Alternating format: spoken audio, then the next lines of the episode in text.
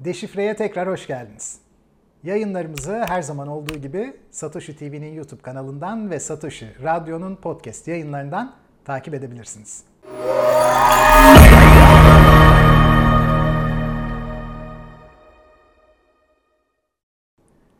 Burak Hocam hoş geldiniz. Hoş bulduk. Merhabalar. Yine bomba gibisiniz bu haftada. Ay, evet. Çok teşekkür ederim. Siz de öyle. Sağ olun hocam. Bu hafta diyorum ki acaba blok zinciri mi konuşsak?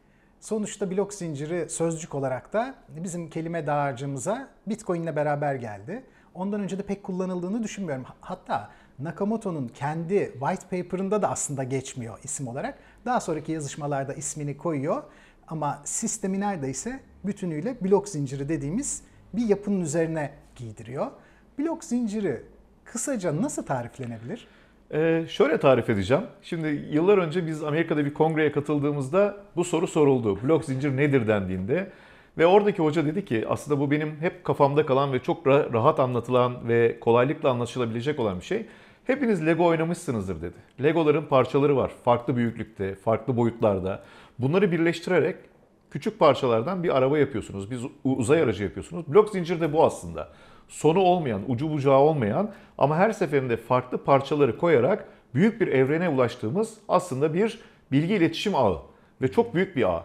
Dolayısıyla bu sadece e, kripto varlıklarla sınıflandırılabilecek ya da sınırlandırılabilecek bir alan değil. Oldukça büyük bir alana hitap ediyor ve bugün e, dünyanın birçok ülkesinde bununla acaba neler yapabiliriz, hangi alanlarda bunu kullanabiliriz diye çok konuşuluyor. Mesela tapu dairesinde işlerimiz çok uzun sürüyor. Buradan bir varlık almaya kalkıyoruz. Diyelim ki Diyarbakır'dan bir tarla alacağız ya da Trabzon'dan. Bu şu anda oralara gitmeyi de gerektiren bir süreci bize taşıyor. Oysa blok zincir vasıtasıyla tüm bu bilgilerin aktarıldığı bir platformda herhangi bir yere gitmeden kendi özlük bilgilerinizle anında bu işlemleri yapabileceğiniz ve çok hızlanabileceğiniz bir platform. Gümrük işlemlerini bununla yapabilirsiniz. Şu anda inanılmaz derecede buna imkan tanıyabilecek bir ortam var. Dolayısıyla demin de söyledim ki ucu bucağı olmayan bütün her türlü bilginin için aktarılabileceği ve yeni aktarılan bilgilerle kullanım alanının çeşitlendirilebileceği bir alan. Bilmiyorum çok mu karmaşık anlattım ama Yok yok gayet iyi. bu bir Lego aslında. Büyüklerin oynadığı, gençlerin daha iyi bildikleri bir Lego diye düşünebiliriz. Peki hocam burada bir zincir söz konusuysa demek ki zincir olmadan da bazı materyaller var. Onlara muhtemelen blok deniyor. Evet. Zincirin kendisi blok zincir olduğuna göre. Peki blokla neyi kastediyoruz? Bilgi alanları yani birer her bir blok her bir bilgi alanı üzerine işlenen aslında e, teknolojik olarak baktığımızda bir e, elektronik aleti açtığımızda içinde çok küçük parçacıklar olur. O küçük parçacıkların dijital olarak yazıldıkları alanlar. Her bir blok kendine özgü bilgileri taşıyor ve diğer blokla birleştirdiğiniz zaman o bloğun etkisiyle beraber de bir çarpan etkisi yaratarak daha farklı bilgilere ulaşmanızı sağlıyor ve her seferinde bu büyüyor. Dediğim gibi ucu bucağı yok bunun. Yani nerede durabileceğini de bilmiyoruz. Müthiş bir alan. Ee, aslında bir yandan da korkutucu. Her türlü bilginin içerisine yer aldığı. Ama çok işimizi kolaylaştıracak bir alan. Şu anda çok kullanmıyoruz. Biz sadece bunu kripto varlıklar üzerine ve yazım e, yani bunların yazıldığı bir alan gibi görüyoruz ama aslında çok daha büyük bir alanda, hastanelerde, e, işte gümrük işlemlerinde, e, ticarette her yerde kullanılabilecek bir ortamı bize sağlayacak bir alan. Öyle sanıyorum ki teknoloji ilk defa böyle bir şeye müsaade ediyor. Bu müsaade edişte hocam sizce blok zinciri daha önce çözülememiş neyi çözdü? Tüm bilgilerin aynı anda istendiği şekliyle hızlı bir şekilde gelmesini sağladı bence. Gerçi şu anda da fena değiliz. Bilgiye ulaşmak kolaylaştı eskisine göre. İşte internet üzerinden birçok işlem yapabiliyoruz. Geçmişte bunlara ulaşabilmek kolay değildi. Hatta geçen gün öğrencilerime dedim ki e, biz internete bağlanırken çok acayip sesler duyarak bağlanırdık ve o sesi duyduğumuzda bağlandığımızı anlardık. Sonra kopardı, o ses giderdi.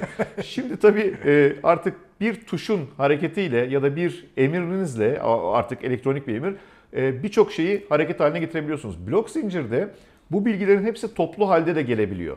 Ve her bir bloğun üzerine farklı bilgiler yazıldığı için bunları toplu halde alıp toplu halde istediğiniz alanda hangi özel amacınız varsa o özel amaca hizmet edecek şekilde kullanabilme imkanına sahipsiniz. Bence işin güzelliği burada. Blok zincirinde şöyle bir şey de mi var hocam? Ee, güvenilir bir kurumun varlığına artık gereksinim olmaması gibi bir şey var mı? Yoksa kripto paralar bunu blok zincirinin dışında bir şeyle mi karşılıyorlar? Biz o yüzden bu blok zincirinde bu özellik de varmış gibi mi algılıyoruz? Ee, aslında platform gibi güvenilir bir şey var mı? Evet var. Yani sonuç itibariyle Bunun içerisinde şifreleme var, bunun içerisinde teknoloji var, bunun içerisinde bilgi var, bunun içerisinde başkalarından aldığımız bilgileri kullanma var. Ama sonuç itibariyle e, bu kendi kendine gelişen ve e, bu işi bilenlerin, çok daha iyi bilenlerin bizden yazabildikleri de bir alan olduğu için gelişmeye çok açık bir alanı bize veriyor. O nedenle bence hızla gelişiyor. Yani işin bir tarafında evet kurumlar bunu kullanabilirler ve kullanmaya başlayan kurumlar, ülkeler, işte kuruluşlar var. Ama bunun yanında e, bu işi yeni kendine meslek edinmiş ya da bu işte ilerlemiş bizim çok daha ötemizde bilgilere sahip olanlar da bunu çok ciddi bir şekilde bilgiye ulaşmak anlamında kullanıyorlar. Onun için bence gelişimi muazzam. Yani her gün yeni bir gelişmeyle şu an biz konuşurken bile bloklar yazılıyor dünyanın birçok yerinde. evet haklısınız. Bu blok yazılımında da neredeyse herkese açık gibi bir havası var bu işin. Bu yüzden hem herkes kontrol edebiliyor hem herkes katkıda bulunabiliyor. Evet. Böyle olunca sanki şeffaf bir yapı varmış gibi bir durum söz konusu. Fakat bir yandan da hocam kripto sözcüğü şifreleme anlamına geliyor. Şöyle bir durum sizce gerçekleşiyor mu? Bir şeyleri şifreliyoruz ki bu herkes tarafından elde edilemesin ama bir taraftan da şifrelediğimiz şeyin bizi alabildiğine şeffaflaştırdığını düşünüyoruz. Buradaki şifreleme teknik bir şifreleme mi Yoksa gerçekten bazı bilgiler görünemez olsun diye mi şifreleniyor? Aslında ikisi de var. Yani bence ikisi de var. Çünkü teknik bir şifreleme var. E, işin özünde bir mülkiyet var ve o mülkiyetin korunması.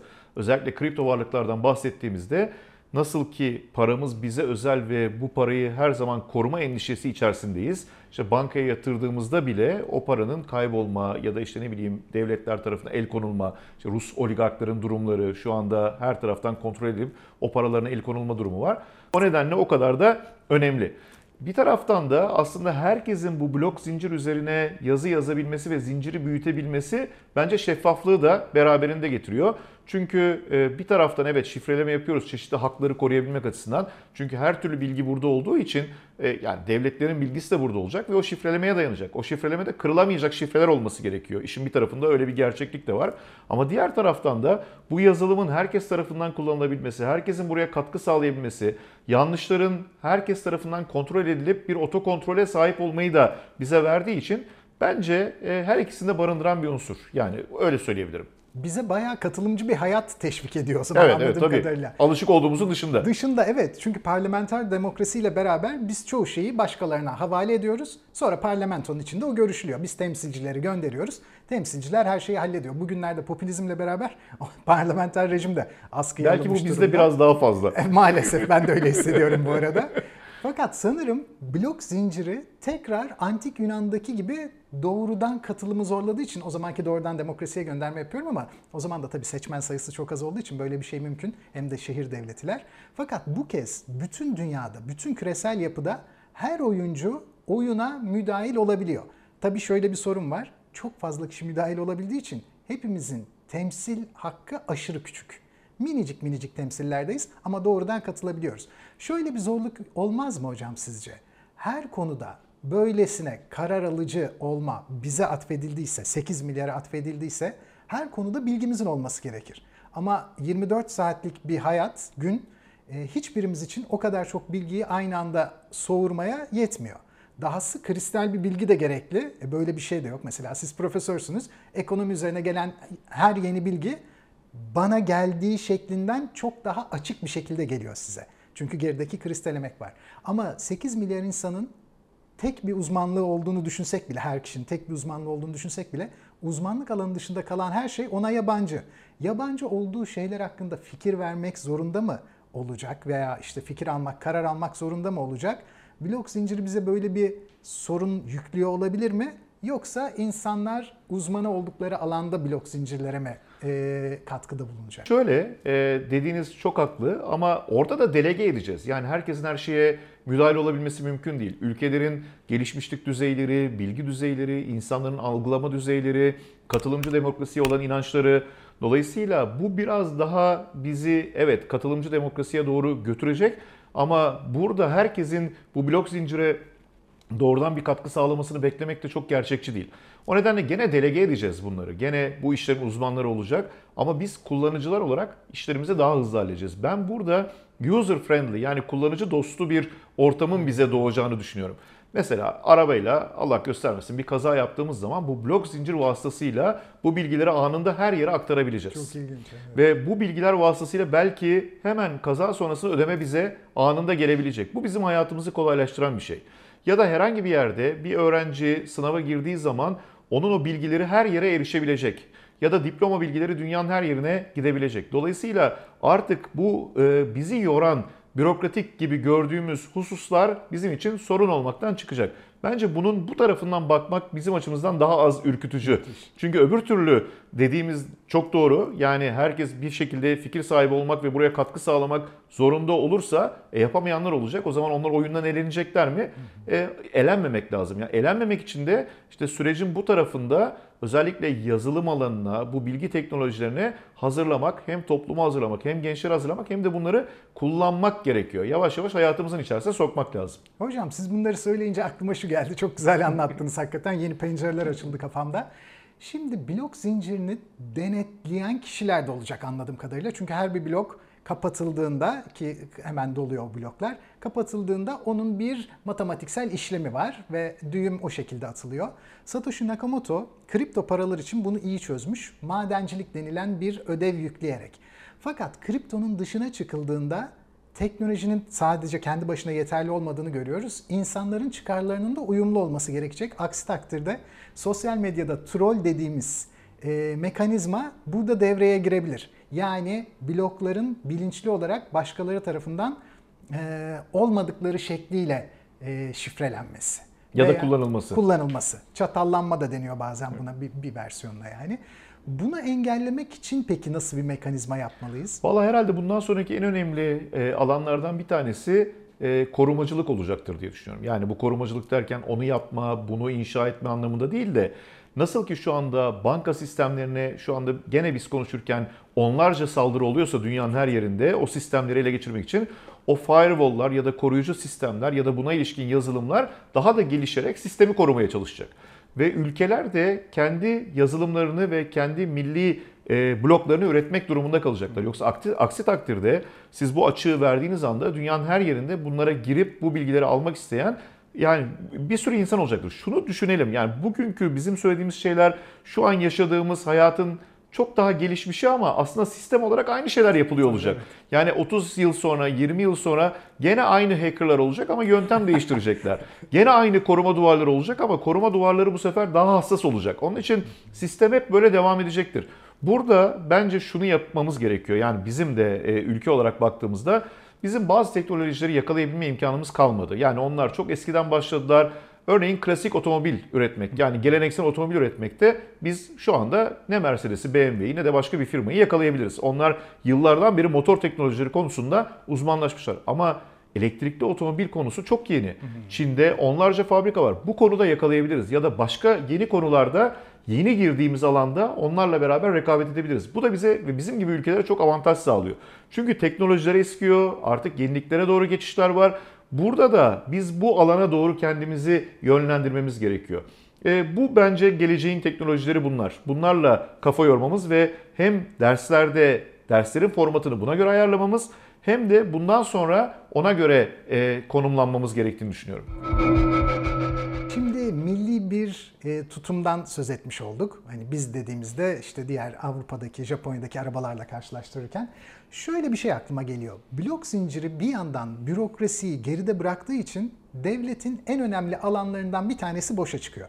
Devletin en önemli alanlarından bir tanesi bürokratik kayıtları tutmak ve istendiğinde onları geri vermek. Şimdi blok zinciriyle beraber devletin asli görevlerinden bir tanesi liberallik lehine sanki e, düşmüş gibi. Kripto para da benzer şekilde blok zinciri sayesinde devletin en büyük güçlerinden biri olan emisyon hakkını elinden almış gibi görünüyor. Devlet sanki bu yapıyla blok zinciriyle beraber e, liberallik lehine zayıflamış gibi oluyor. Acaba ileride milli pozisyonlar yerine daha çok şirketsel pozisyonlar mı görürüz? Yoksa ulus devletler bunun üstesinden gelirler mi? E, ulus devletler bunun üstesinden gelirler. Bir kere e, kripto varlıkları varlık sınıfında sınıflandıracaklar. Ben özellikle kripto varlık demeye çalışıyorum. Çünkü İlk programda ilk da programda da bahsettik. Para olabilmesi için daha önünde çok yol var. Belki olacak. Bunu olmayacak diye iddia edenlere de karşıyım. Olacak. Ama şu anda yolun çok başında. Ama varlık olarak bir yer buldu kendine. Dolayısıyla varlık olarak devletlerin şu anda dokunabilecekleri bir noktada değil. Çünkü bir yandan da kıt olan ve aslında e, herkesin kullanımına da çok açık olmayan altına da bir rakip gibi oluyor. Bu aslında büyük devletler açısından baktığımızda sermayenin başka yerlere gitmesi açısından da desteklenebilecek bir alan. Ama para olduğu zaman işin yanında emisyon var ve e, emisyon olayının ülkeler açısından baktığımızda bir senyoraj geliri de var. Dolayısıyla bundan da mahrum kalmak istemeyecekler ülkeler. Bir de paranın gücü var.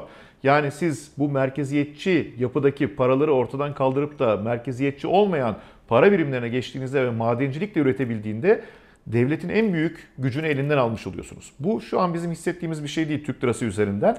Ama dolara düşündüğünüzde düşünsenize bugün dolarla dünyanın birçok ülkesinde hükmedilebiliyor. Tabii, çok. Bu yapıyı ellerinden aldığınızda o zaman doların tek para birimi ve rezerv para birimi özelliğini aldığınız anda güç kaybına uğratabileceğiniz bir yapı ortaya çıkıyor. Ona çok müsaade edeceklerini düşünmüyorum. Onun yerine kripto paralar değil ama dijital paralar ve kendi paraları alacaktır diye düşünüyorum. Benim e, şu an için düşüncem bu. Ama dediğim gibi belki bir daha e, uzak gelecekte kripto varlıkları para olarak da kullanacağız mutlaka. Harika. Son bir soruyla kapatıyorum. Çok güzel şeyler anlattınız zaten. Peki hocam, blok zinciri sizce merkezi bir yapıyı mı yoksa dağıtık bir yapıyı mı cesaretlendirir?